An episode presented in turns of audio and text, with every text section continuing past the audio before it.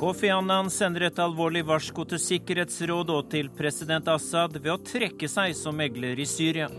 Nå har Kofi Annan fått nok. The increasing militarization on the ground and the clear lack of unity in the Security Council have fundamentally changed the circumstances for the effective exercise of my role. I Tyrkia jobber syriske leger døgnet rundt med å lappe sammen opprørssoldater før de blir sendt tilbake til fronten. Amerikanske redaktører ber Mitt Romney om å glemme rundreisen i Europa og Israel etter de mange tabbene. Nå er Mitt Romney hjemme igjen her i USA, med flere utenlandske riper i lakken. Vi i Verden på lørdag er som kjerringa mot strømmen. Vi skal til en av verdens mest glemte konflikter. Vi stopper historien der. For dette er en historie fra Afrika du helst vil slippe å høre.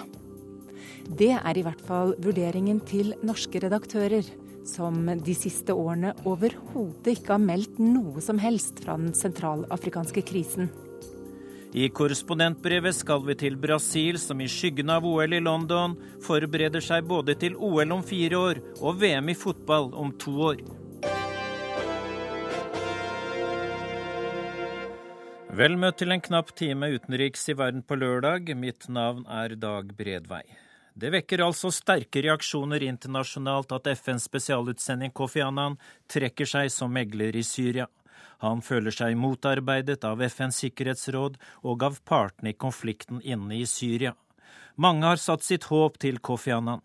Flere eksperter mener avgangen er en protest og et alvorlig varsko til Sikkerhetsrådet. Kofi Annans avgang ble kjent torsdag kveld. Det rapporterer Charlotte Berrefjord Bergløff. Han fikk den nær umulige oppgaven å megle for fred i Syria. Med en fredsplan på seks punkt tok han turen til Damaskus og overbeviste partene om å inngå våpenhvile. Men FN-observatørene som skulle overvåke den, ble snarere vitner til grove krigsforbrytelser. For å stanse volden måtte det sterkere lut til, konkluderte Vesten. Men i FNs sikkerhetsråd satte Russland og Kina foten i døren, gang på gang. The Security Council has failed utterly in its most important task on its agenda this year. Mens krigens brutalitet rammer stadig flere, har beskyldningene haglet mellom stormaktene. Nå har Kofi Annan fått nok. The increasing militarization on the ground and the clear lack of unity in the Security Council have fundamentally changed the circumstances for the effective exercise of my role. Avgangen beklages verden over, og jakten på Annans etterfølger er allerede i gang. Jan Egeland, du er europadirektør i Human Rights Watch. Du hadde en toppstilling i FN med Kofi Annan som sjef i flere år, og kjenner ham godt. Og Hva er din reaksjon på at Kofi Annan trekker seg? Jeg er som veldig mange andre veldig skuffet. Men jeg forstår godt at han fikk nok. Han hadde neppe klart å gjøre veldig mye mer i de neste månedene, med mindre han hadde fått stormaktene til å samarbeide om å legge press på partene, og det klarte han aldri. Eh, både Sikkerhetsrådet og Den arabiske liga eh, var ikke ærlige da de ga ham et mandat, for de var ikke villige til å ha et helhetlig press på hans side mot partene. Er Annans reaksjon en direkte protest mot landene som legger ned veto i Sikkerhetsrådet, altså Kina og Russland? Ikke bare det. Altså det, er, det er nok mange som føler på vestlig side at i denne konflikten så er det russerne og kineserne som har og selvsagt iranerne, som står bak eh, selve regimet som, som nærmeste venn, som har hovedskylden. Eh, men for Kofi Annan, som fikk et mandat i å prøve å finne en fredelig løsning mellom partene, så tror jeg nok han har følt at eh, vestmaktene, ikke minst Gulf-statene, har, har også en god del av skylden for denne kvikksanden man har, har vadet ut i, fordi de ønsket regimeskifte fra første stund. De ønsket ikke en fredelig løsning mellom regimet og den fredelige opposisjonen. Så de var også uærlige med sine intensjoner. Eh, du blir med oss videre, Jan Egeland. Velkommen i studio, Kai Kvarme. Du er prosjektkoordinator ved Senter for islam og Midtøsten-studier ved Universitetet her i Oslo. Eh, du har sagt til en nettavis at FN har mistet troen på sitt diplomatiske arbeid, og kan du utdype det? Eh, nei, Det ligger jo på en måte i sakens natur da, at når, eh, når Annan eh, trekker seg nå, eller når, når, FN eh, på en måte nedlegger hele denne misjonen, man sender ikke nye observatører, så må jo det da bety at man har mistet eh, troen eh, på at det skal være mulig å, å finne en politisk løsning på dette her. En annen ting er jo faktisk at eh, Annan da åpenbart har trodd på at det skulle gå an i utgangspunktet, og det mener jeg vitner om en ganske dårlig kjennskap til dette regimet. Altså dette er jo et beinhardt militærdiktatur som dersom det på noe plan skulle gått inn på Annans plan, denne her sekspunktsplanen, så ville det jo bety at regimet var ferdig. ikke sant? Og Derfor måtte man jo da vite i utgangspunktet at dette var noe et slikt regime ikke ville gå inn på. Så det er litt, eh, det litt misvisende å, å, å snakke om at Eh, folk ikke har vært ærlige osv., og, så videre, og at eh, han klarte å overbevise partene og slikt. Altså, Dette regimet har aldri på noe tidspunkt vært interessert i å gå inn på Kofi Annans plan, og det har vært tydelig hele tiden. Ja, Burde Kofi Annan ha ventet med å si ja til det vanskelige oppdraget? Det, det, er vanskelig for, for meg å, å svare på, på, slike ting. Men eh, sett utenifra så har det vært ganske forunderlig å se Eller det har i hvert fall vakt en viss undring at han valgte å gå inn på dette oppdraget, som i utgangspunktet ikke Altså, han hadde i utgangspunktet ingen sanksjonsmuligheter overfor noen av partene, for så vidt, dersom det ikke bare gikk på skinner, og alle frivillig gikk inn på denne her avtalen. Som som sagt, man da måtte forstå at dette regimet ikke ville gå inn på, fordi det ville innebære slutten på det regimet. Ja, Jan Egeland, Kofi Annan hadde ikke den støtten han trengte i Sikkerhetsrådet, og ikke minst den støtten han trengte fra partene i Syriakrigen i forkant. Ja, altså, Hele poenget var jo at de to organisasjonene FN gjennom Sikkerhetsrådet og Den arabiske liga eh, ble enige om å ha en felles utsending for å forsøke å få en fredelig løsning mellom eh, regimet og den væpnede opposisjonen. Var det uklokt i utgangspunktet? Ja, kanskje det. Eh, kanskje er det bare utenkelig at et sånt regime kan reformere seg, kan endre seg gjennom en avtale med en væpnet opposisjon. Men, men, men, det var det ba, det var det oppdraget man ga ham. Og Det er jo derfor at det er en, en svimlende uærlighet eh, bak det. Man burde i så fall, hvis man trodde og visste at det aldri kunne bli noen avtale, heller ikke ha eh, en utsending. Man burde da med en gang vært enige om omfattende sanksjoner mot regimet. Det var man ikke, så derfor valgte man utsendingen. Og det var amerikanere og russere og kinesere og andre i utgangspunktet helt enige om. Eh, Sissel Wold, du er i grenseområdet mellom Tyrkia og Syria. Hva er reaksjonen der på at Kofi Annan trekker seg? Ja, Stemningen her er preget av at bare kampene og ikke diplomati vil avgjøre utfallet av krigen her. Kofi Annan er det ingen som snakker om her.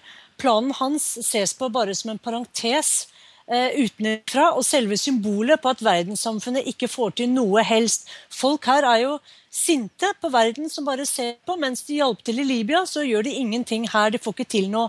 Og eh, Det opposisjonen er mest opptatt av, er selvfølgelig hvilken militærhjelp de får. Og vi har hør, hørt om Qatar. Qatar bidrar jo eh, til at det smugles våpen innover grensen. Og Qatars utenriksminister sier i dag at dersom Annan eh, som også representerte Den arabiske liga, skal få en etterfølger, så må vedkommende ha en helt annen strategi og Annan-planen må endres, men eh, det er litt ukjent eh, hvordan foreløpig. Ja, I går stilte 133 av landene i FN seg bak en resolusjon som krever Assads avgang, og resolusjonen blir sett på som en fordømmelse av regimet i Syria og som et spark til Sikkerhetsrådet.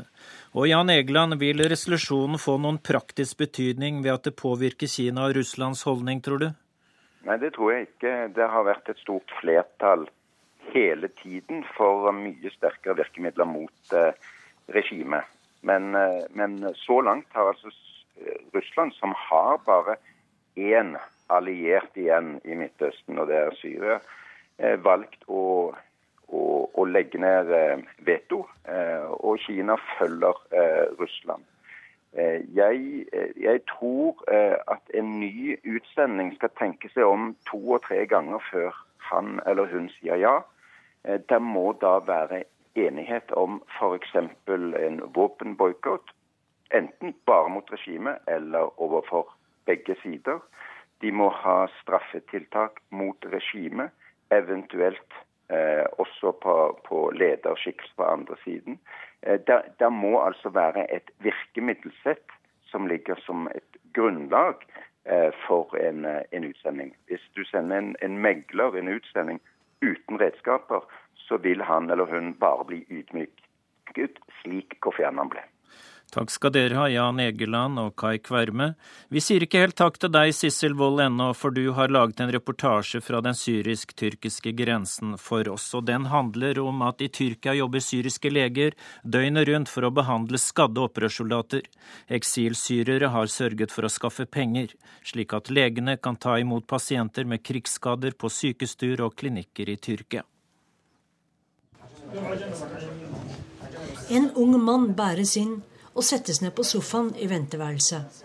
Han har på seg svarte joggebukser og en svart hettegenser. What, what Han ser temmelig medtatt ut og orker ikke å snakke med noen. På veggene i dette utendørs venterommet er det nye syriske flagget malt sammen med det tyrkiske, og også symbolet til den røde halvmåne. Så bæres den skadde syreren med bandasje og gips på venstrefoten inn på klinikken. Der venter doktor Hassan Ghanem.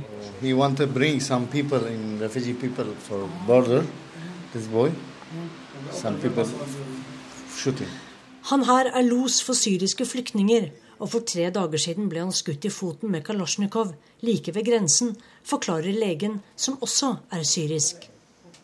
Den skadde hadde med seg 21 syrere som var på flukt fra kampene i Aleppo. Pasienten er 21 år har halvlangt hår og vrir seg i smerte når doktor Hassan tar av bandasjene for å se nærmere på såret. Du er tapper, unge helt, sier legen for å berolige ham. Denne klinikken er drevet for penger samlet inn av eksilsyrere og en organisasjon av syriske leger utenlands. Også en tyrkisk lege har sett på foten med skuddsåret, men han kom til en annen løsning enn doktor Hassan we we have here some problem uh, in Turkish uh, government hospital. Uh, they uh, want to amputation. We doctor from Syria, I and another doctor. Uh, uh, we it is did need to amputation because look, we have circulation, good circulation. Problemet er at tyrkiske leger vil amputere benet hans. Men vi syriske leger vi forsøker å redde liv og lemmer så langt vi bare kan.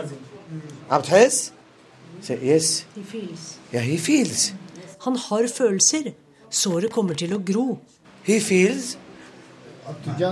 Eh, so we don't amputation. So Syrians doctor want yes. to try to save. Yes, yes.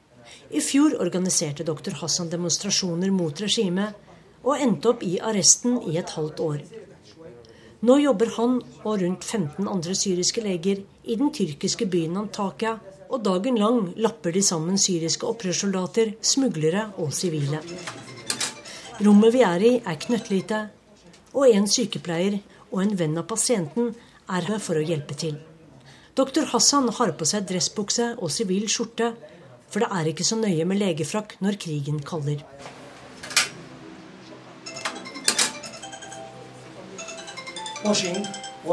Mobilen hans ringer i ett sett. Mange trenger hjelp hele tiden. Hallo? Hallo? Eh, Rifan bensin ampul,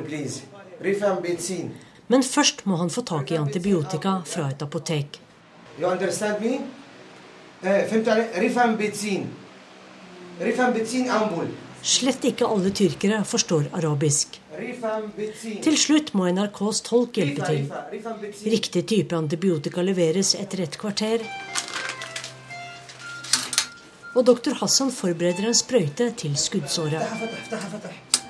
Den unge flyktninglosen bæres ut igjen, og Hassan Ghanem forsikrer om at han er på beina om et par uker.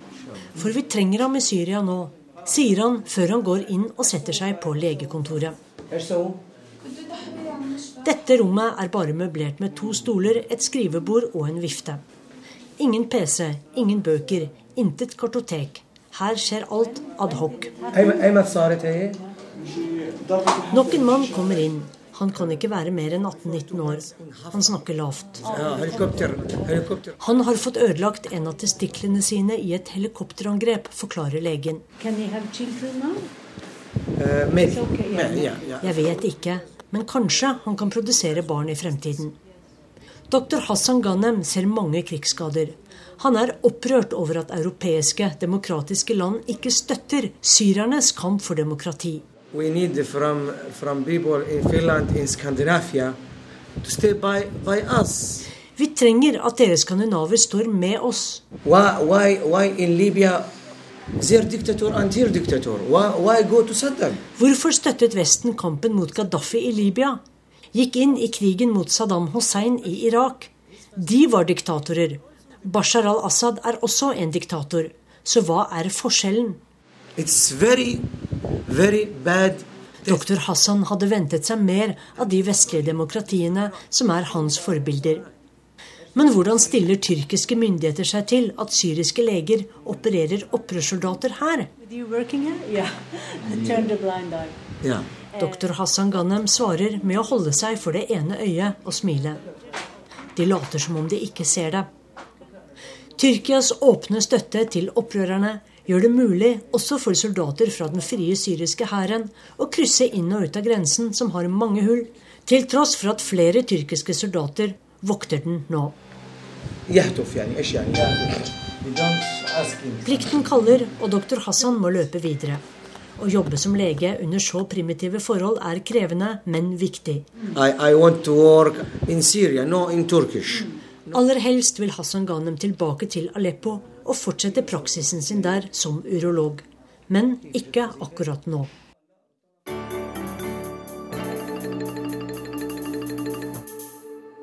Til USA. Mitt Romney kom denne uken hjem fra sin første utenlandsreise som republikanernes presidentkandidat. Romney besøkte Storbritannia, Israel og Polen. Men rundreisen skulle by på flere utfordringer enn ventet for mannen som ønsker å bli USAs neste president. Det skulle være en presidentaktig utenlandstur for den republikanske utfordreren Mitt Romney. Men den sju dager lange utenriksturneen ble ingen parademarsj for en mann som ville vise sine velgere at han kan opptre som en god ambassadør for amerikanere i utlandet. Det startet friskt allerede på første stoppested i Storbritannia. Der klarte Mitt Romney å hisse på seg britene, en av USAs viktigste allierte, ved å stille spørsmål ved sikkerhetsopplegget under OL i London. You know, it's hard to know just how well it will turn out. Will turn out. Do they come together and celebrate the Olympic moment? And that's something which we only find out once the games actually begin. Uttalelsene på amerikansk TV ble lagt merke til blant britene, særlig fordi Mitt Romney selv var sjef for OL i Salt Lake City. Londons ordfører Boris Johnson var ikke sen med å harselere over det som ble oppfattet som en respektløs uttalelse fra Romney. Romney whether, whether we're ready. He wants to know whether we're ready. Are we ready? Are we ready? Også Storbritannias statsminister David Cameron så seg nødt til å reagere offentlig, og det enda til noen få timer før han skulle ta imot Mitt Romney i Downing Street number 10. We are holding an Olympic Games in one of the busiest, most active, bustling. I mean, of course it's easier if you hold an Olympic Games in the middle of nowhere. For Mitt Romney ble OL-uttalelsen en særdeles tung start på London-besøket. Og etter å ha møtt Storbritannias statsminister på tomannshånd, prøvde Romney å rette opp igjen sin OL-flause. Uh, uh, of, of, the leaders of the government here and opposition here, as well as the, uh, the, uh, the head of MI6. Men i sin iver å dekke over OL-uttalelsen klarte Mitt Romney å plumpe uti med en aldri så liten avsløring om at han hadde møtt toppsjefen for britisk etterretning, MI6. Normalt vil en politisk toppleder aldri offentlig fortelle hva slags kontakt man eventuelt har med andre lands sikkerhets- og etterretningstjenester. Hjemme i USA prøvde Mitt Romneys allierte, som rådgiveren Norm Coleman, å glatte over London-fadesene ved å skylde på britiske tabloidaviser. It's, it's tabloids, it's about, it's about American people and the American people looking for leadership. And Mitt Romney being at the Olympics is a reminder of the kind of leadership that they. Ferden fortsatte til Israel, et land president Obama ennå ikke har besøkt som USAs president. Her ble Mitt Romney omfavnet hjertelig av statsminister Benjamin Netanyahu. Og Romney kvitterte med å si at han ville respektere et israelsk militært angrep på Iran. In the final analysis, of course, no option should be excluded. We recognize Israel's right to defend itself and that it is right for America to stand with you. Romney ga også uttrykk for at Jerusalem burde være Israels suverene hovedstad, og at han ville vurdere å flytte USAs ambassade fra Tel Aviv til Jerusalem. Uttalelsen fikk umiddelbart Det hvite hus til å reagere og minne om en felles amerikansk holdning gjennom flere år om at hovedstadsspørsmålet burde avgjøres i sluttforhandlinger mellom israelere og palestinere, og ikke av en amerikansk presidentkandidat. Assisterende prestetalsmann Josh Ernest i Det hvite hus lot det klart skinne gjennom at amerikansk utenrikspolitikk bør avklares på hjemmebane og ikke på visitt utenlands. By uh, previous administrations, both Democrat, Democratic and Republican. Um, so, uh, you know, if Mr. Romney uh, disagrees with that position, he's also disagreeing with the position that was taken by presidents like Bill Clinton and Ronald Reagan. Mitt Romney klarte også å hisse på seg palestinerne ved å hevde at det var kulturforskjeller som var årsaken til forskjellen mellom inntekten til palestinere og israelere. Palestinernes sjefforhandler Saab Erekat mente uttalelsene var rasistiske, og at de viste mangel på kunnskap. Palestinians and Israelis may be in a conflict, but Palestinians and Israelis are people, equal. And such racist statements may, does not serve those who are trying to protect and save lives. Those who are trying to maintain democracy, transparency, human rights, women's rights are not served by such statements. Fra Israel fløy Mitt Romney denne uken videre til Polen. Her holdt han seg langt unna kontroversielle uttalelser, men fikk likevel noen på nakken. Det amerikanske pressekorpset som fulgte Romney på utenlandsturneen, var misfornøyde over at han aldri stanset opp for å svare på spørsmål.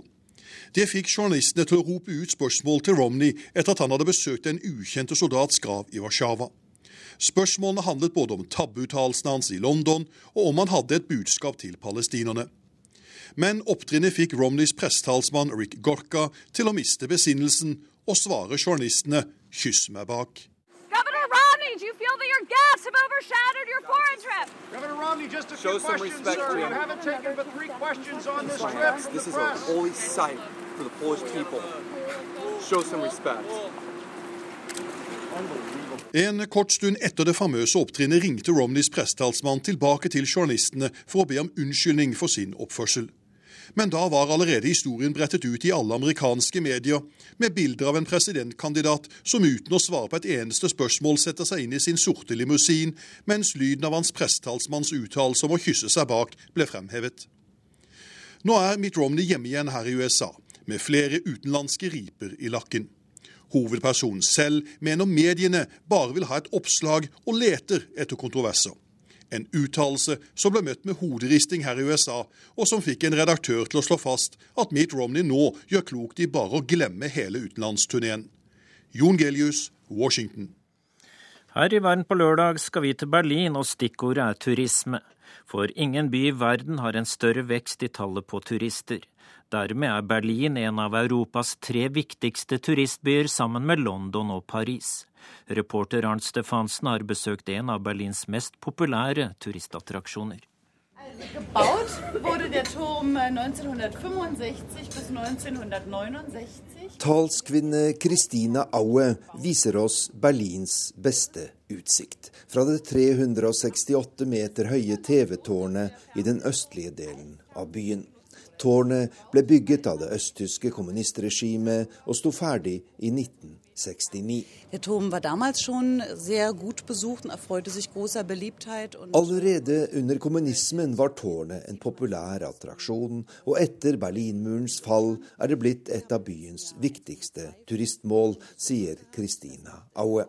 Vi har rundt 5000 besøkende hver dag, nærmere 1,3 millioner i året. For svært mange turister er det den beste start på Berlinbesøket å se utsikten herfra før de går i gang med å oppleve byen, sier talskvinnen.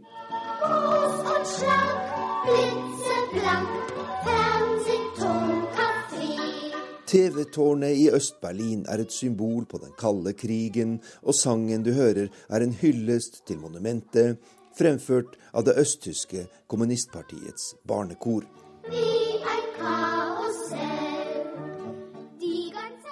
Å bygge høyt for å vise økonomisk og teknologisk styrke, det var viktig for DDR-regimet. Og TV-tårnet var en stor propagandaseier for kommunistene i Øst-Berlin.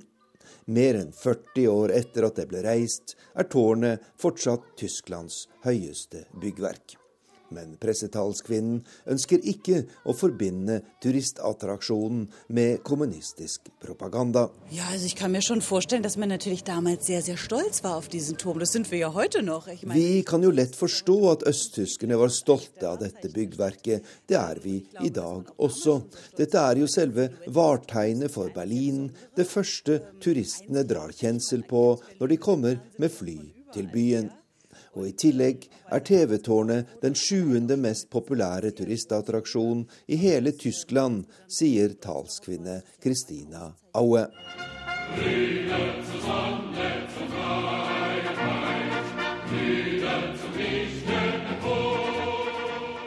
Det fortelles mange historier om Berlins berømte TV-tårn, og den mest kjente er knyttet til en fysisk særegenhet. Når sola står i en bestemt stilling, ser man et kristent kors som speiles i glassvinduene i tårnets kuppel. Dette vakte stor munterhet blant vanlige borgere i det tidligere DDR, og fenomenet ble på folkemunne kalt pavens hevn. Man, ich, so gerne, weil ähm, ja. DDR-ledelsen likte dette korset dårlig, fordi regimet sto for et ateistisk livssyn og undertrykket kirken, sier pressetalskvinnen. Det sies at sikkerhetstjenesten Stasi kalte inn arkitekten og beskyldte ham for sabotasje. Man skal til og med ha vurdert å rive bygget for å bli kvitt det brysomme korset. Men til slutt kom en fra kommunistpartiet med en lys idé. Det er ikke et kristent kors, det er et plusstegn. Et pluss for sosialismen, sier talskvinnen leende. Berlin bleibt doch Berlin. Berlin er i rask utvikling, og tilbudet av kultur og underholdning blir bedre for hver dag. Turismen vokser raskere enn i noen annen storby i verden. I fjor hadde Berlin 22,5 millioner såkalte gjestedøgn, og hittil i år er veksten på rundt 8% Og nordmenn er en viktig del av bildet. 60% unserer kommen aus Deutschland. 60% av dem som besøker Berlin er tyskere, og slik er det også her i TV-tårnet, sier talskvinne Kristina Aue. Blant utenlandske besøkende dominerer franskmenn, italienere og spanjoler. Men nordmenn utgjør også en viktig del av vårt publikum. Med rundt 70 000 årlige besøkende er Norge på ti på topplista her i TV-tårnet, og det er imponerende for et land med bare fem millioner innbyggere, sier hun. Sagen wir kühl,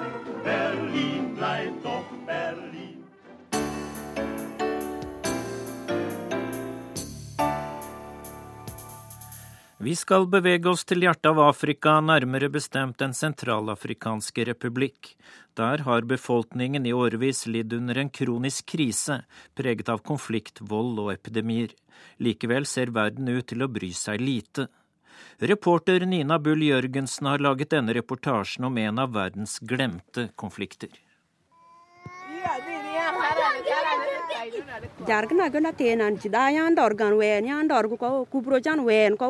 Opprørere og tyver tok alle våre eiendeler. Klær, mat, penger. De brukte mennene våre til å bære alt de hadde stjålet, før alle ble drept, forteller Dimanche Chartin. En ung, vakker kvinne med et grønt skjerf på hodet, en loslitt kjole og et lite barn på armen. De bortførte kvinnene tok oss ut i bushen i tre dager, og alle ble voldtatt, forteller Dimanche videre. Vi stopper historien der. For dette er en historie fra Afrika du helst vil slippe å høre. Det er i hvert fall vurderingen til norske redaktører, som de siste årene overhodet ikke har meldt noe som helst fra den sentralafrikanske krisen. Det er så kronisk. Det har ikke skjedd en stor ting i Den sentralafrikanske republikk som gjør at folk får oppmerksomhet. Det siste var vel den eh, keiseren som krona seg selv som Napoleon. Det er stort sett det folk vet om Den sentralafrikanske republikk. Etter det så har det vært eh, en stille, stille krise. Eh, folk der har lite ressurser, så de selv får ikke ropt om hjelp. Det er, få, det er ingen kjente mennesker som kommer fra Den sentralafrikanske republikk. Og vi orker vel rett og slett bare ikke å høre om det. Men OK, La oss høre likevel. Nei, I Den sentralafrikanske republikk så sliter de med det meste. Hilde Brun Andersen er lege og en av få utlendinger som har jobbet i det kriserammede afrikanske landet. Og ja, Der man, kan man forvente å bli 48 år. I deler av landet er det enda lavere enn det. Man kan forvente at barna ikke får de vaksinene de skal, sånn at eh, de med altfor mange dør av både meslinger og polio og andre sykdommer som kan forhindres. Det er en kronisk matkrise i landet. 10% av befolkningen er hele tiden alvorlig underernært. Uh, og sånn har det vært i mange år. Det er eh, konflikter um, i store deler av landet. Mange forskjellige grupper med veldig vanskelig å finne en løsning. Det er stadig vekk folk som er på flukt. Og nå i det siste har også den herrens motstandshær fra Uganda tatt seg inn i Sentral-Afrika. For det er altså et land som er uten, altså hvor sentrale myndigheter ikke har noe kraft ute på landet. Så det er stor lovløshet. Eh, sånn at de har tatt seg inn og gjør det som de pleier å gjøre med å voldta kvinner og ta barnesoldater og, og, og den slags. Listen er fryktelig lang, sier Hilde Brun. Andersen. Men uten medienes søkelys er det få som føler seg kallet til å hjelpe.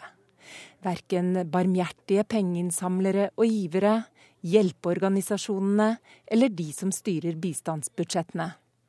Norge f.eks. gir ingenting, null, i bistand til Den sentralafrikanske republikk.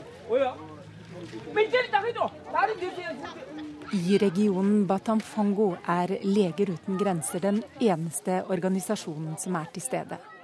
Her i flyktningleiren Kabo har det regnet mye, og området er fullt av gjørme.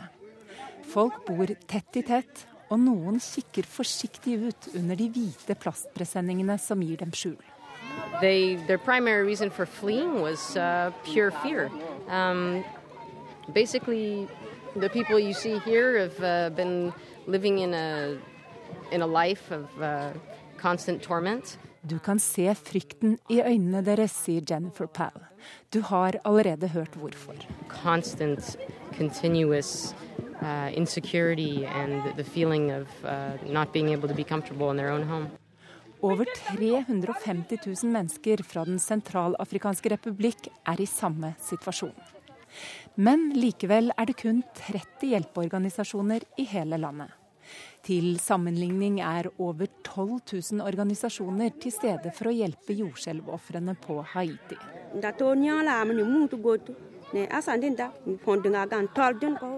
Kanskje ville den unge enken Dimanche blitt hørt hvis det skjedde et jordskjelv også her, eller en krig mot islamistiske terrorister, et oljefunn, eller kanskje hvis Madonna bestemte seg for å adoptere nok et barn, denne gang fra Den sentralafrikanske republikk.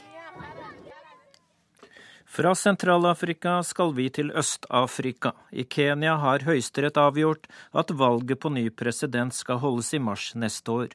Det er da gått fem år siden en voldsbølge etter forrige presidentvalg rystet landet. Men nå håper kenyanerne at det kommende valget skal gå rolig for seg. Afrikakorrespondent Lars Sigurd Sunnanå har sendt oss denne oppdateringen fra Nairobi.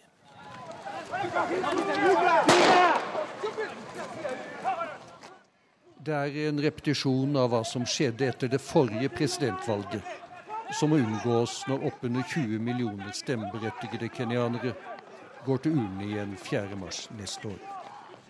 For den afrikanske nasjonen var svært nær full borgerkrig, da et høyst omdiskutert resultat ga Mamwai Kibaki gjenvalg som statsoverhode rundt årsskiftet 2007-2008.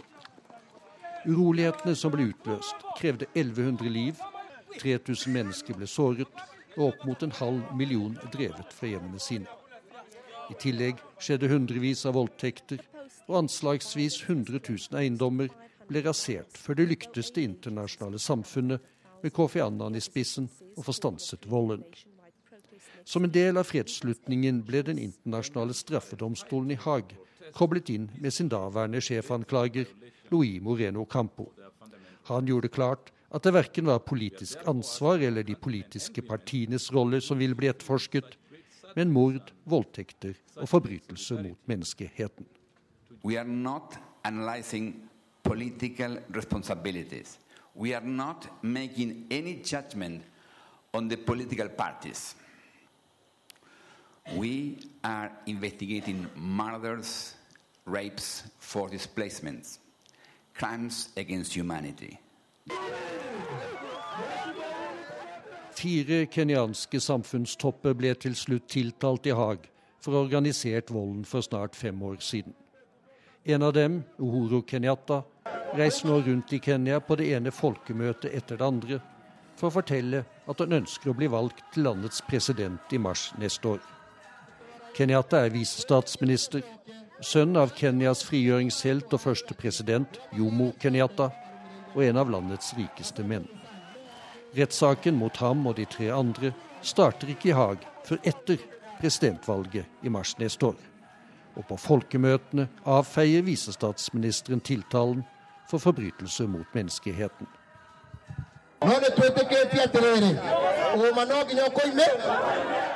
Sannheten vil komme frem, sier han.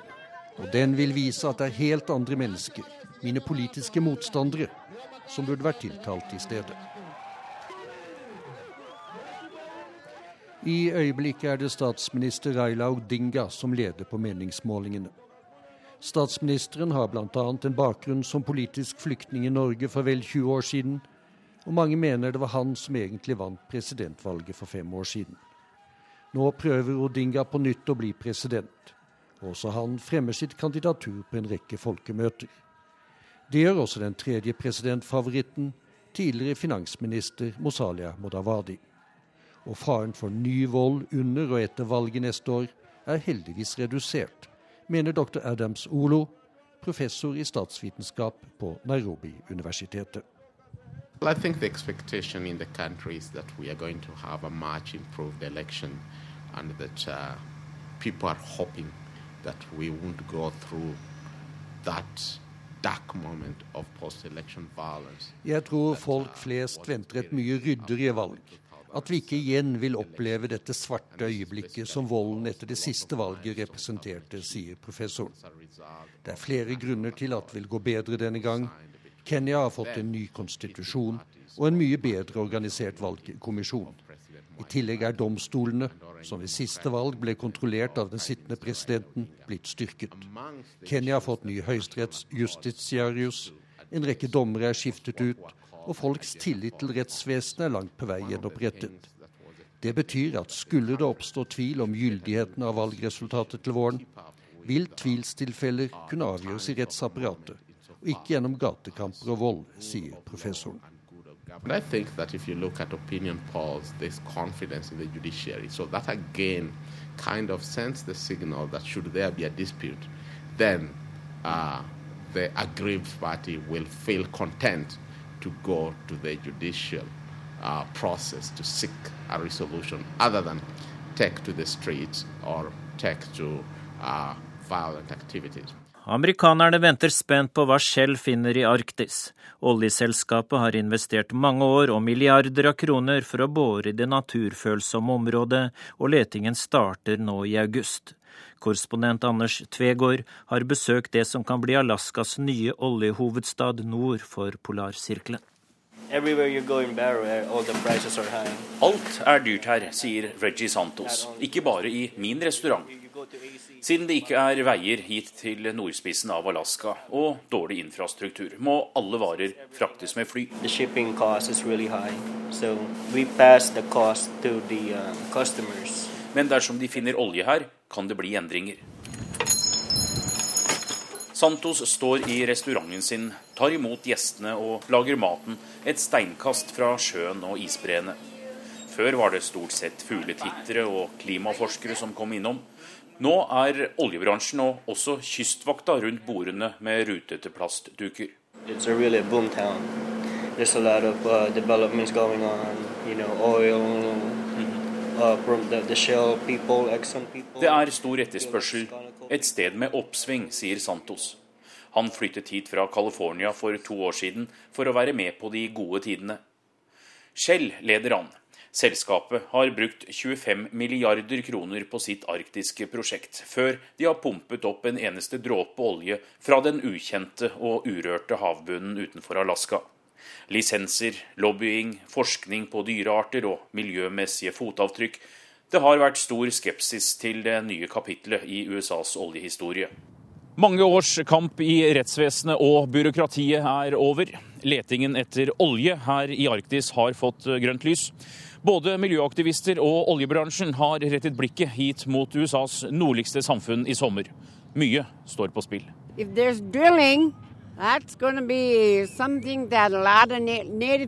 Drilling, like. Rosabel Snyder oppsummerer stemningen blant de eldre i Barrow. Den nå pensjonerte hvalfangeren sier at eskimoene her, inupiat-folket, frykter endringene som kan komme dersom dette blir Alaskas nye oljehovedstad. De er redd for at hele kulturen deres bygd rundt jakt og fiske blir ødelagt. En lekkasje eller oljeulykke i utilgjengelige og røffe Arktis kan få katastrofale følger for hele økosystemet. So um.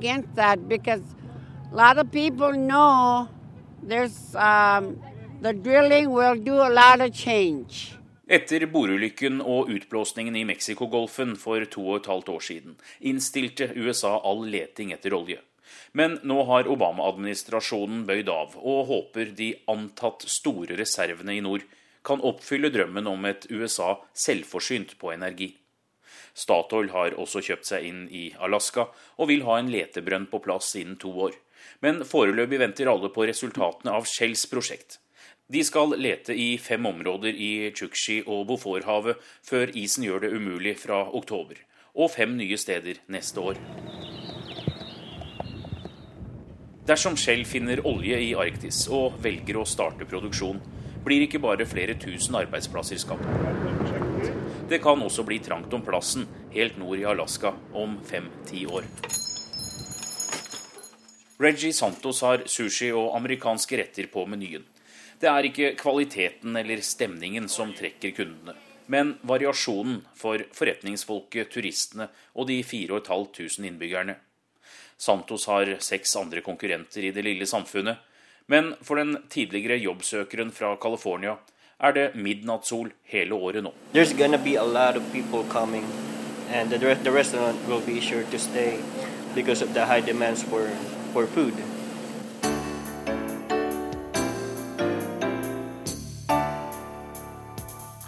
Vi er kommet frem til ukens korrespondentbrev, som er skrevet av Arnt Stefansen.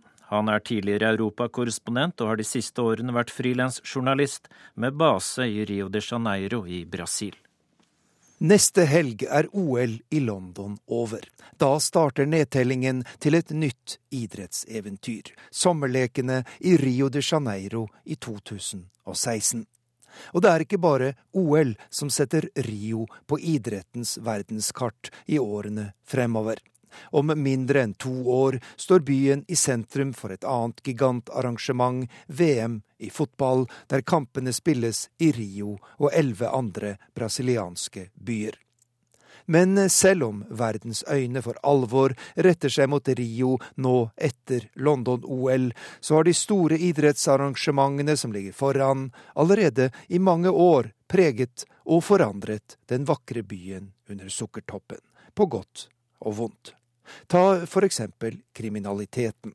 Da jeg flyttet til Rio i 2005, var frykten for de kriminelle en viktig del av livet mitt. I fattigkvartalene, de såkalte favelaene, styrte brutale og tungt bevæpnede narkobander, og ingen kunne føle seg trygg for å bli overfalt og ranet. Men etter at byen ble tildelt VM og OL, har myndighetene gjennomført en stor offensiv og drevet de kriminelle på flukt fra mange av favelaene. Det har gjort Rio til en langt tryggere by, og jeg har nå sluttet helt med å se meg tilbake over skulderen når jeg går på gata. På den annen side har OL og VM vært en gavepakke til boligspekulantene. De siste årene er boligprisene tredoblet i de mest populære områdene av Rio de Janeiro, og det sies at en gruppe mennesker med smellfete lommebøker nå har gjort det til en forretningsidé å kjøpe eiendom i OL- og VM-byer, for deretter å selge når prisene er på topp, et års tid før arrangementene. Stjerner blir født, og stjerner slokner under alle store mesterskap, og OL i London er intet unntak. En av stjernene som er tent de siste dagene, er Brasils unge fotballgeni Neymar. Det vil si, hjemme i Brasil har han vært en stjerne i flere år, forgudet av folket og jaktet på av oss journalister. Jeg intervjuet ham en kveld for et par år siden på et arrangement under den berømte Sukkertoppen. En spinkel, hyggelig unggutt som svarte høflig ja på spørsmålet han sikkert har fått tusen ganger. Er det en drøm for deg å vinne fotball-VM for Brasil på hjemmebane i 2014?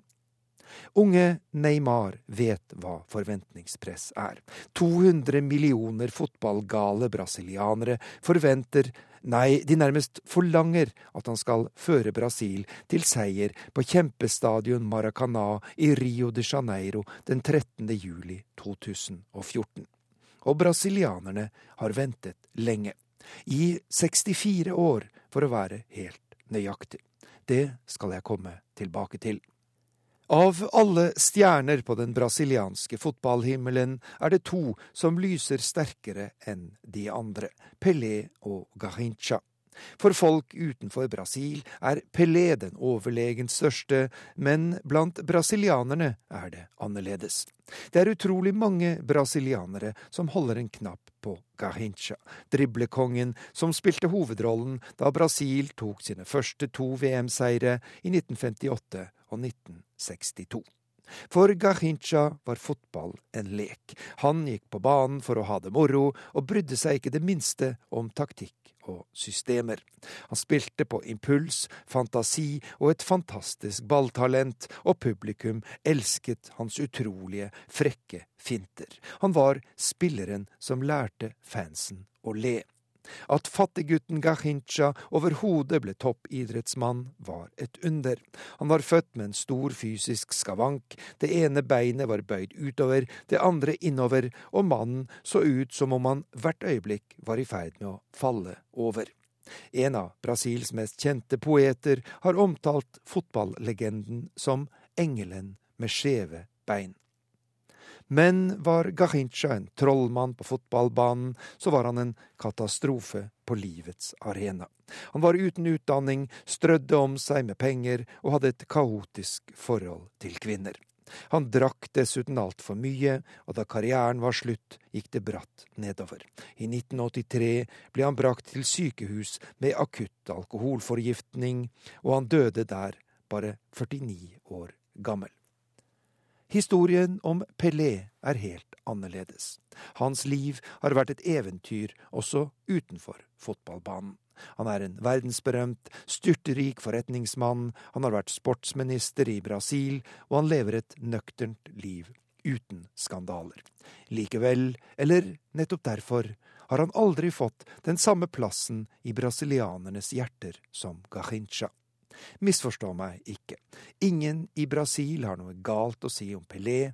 De beundrer ham, de er stolte av ham, og de har den største respekt for ham. Men de elsker ham ikke. Millioner av brasilianere elsker Gahincha fordi han var en av dem. En mann som først og fremst ville leve livet og ha det moro.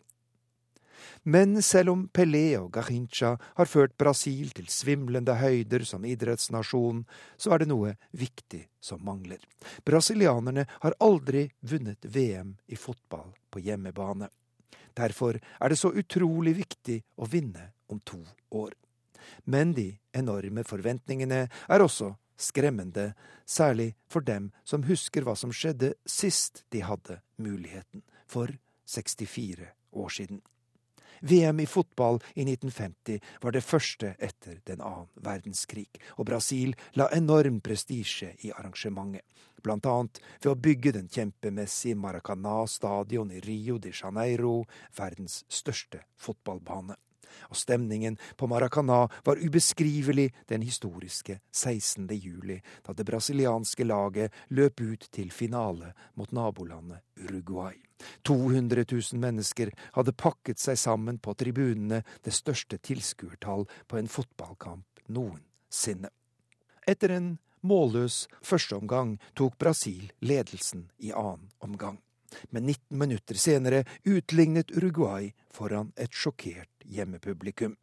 Og like før slutt skjedde det fatale. Uruguays raske spiss Alcides Gihia dribler seg gjennom Brasil-forsvaret og skyter hardt fra spissevinkel like nede ved stolpen. Brasils keeper kaster seg etter ballen, men for sent.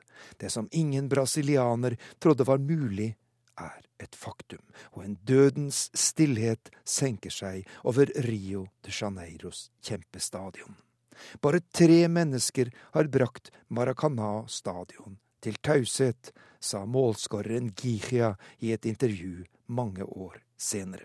Det er Frank Sinatra, pave Johannes Paul 2. og jeg. Etter VM startet en nesten sykelig selvransakelse og en stygg jakt på syndebukker. Sistnevnte var lett å finne. Brasils keeper Moasir Barbosa, mannen som hadde sluppet inn det skjebnesvangre målet. Han ble utsatt for en grotesk personforfølgelse i mediene og levde resten av sitt liv som en ensom og utstøtt mann. I et intervju mange år senere fortalte Barbosa om sin tragedie.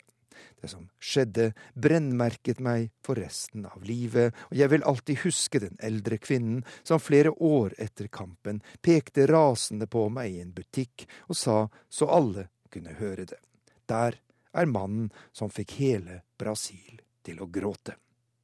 Nederlaget i 1950 skapte en hel sjanger innen brasiliansk litteratur. Ulike forfattere påpekte den unike muligheten Brasil hadde i 1950.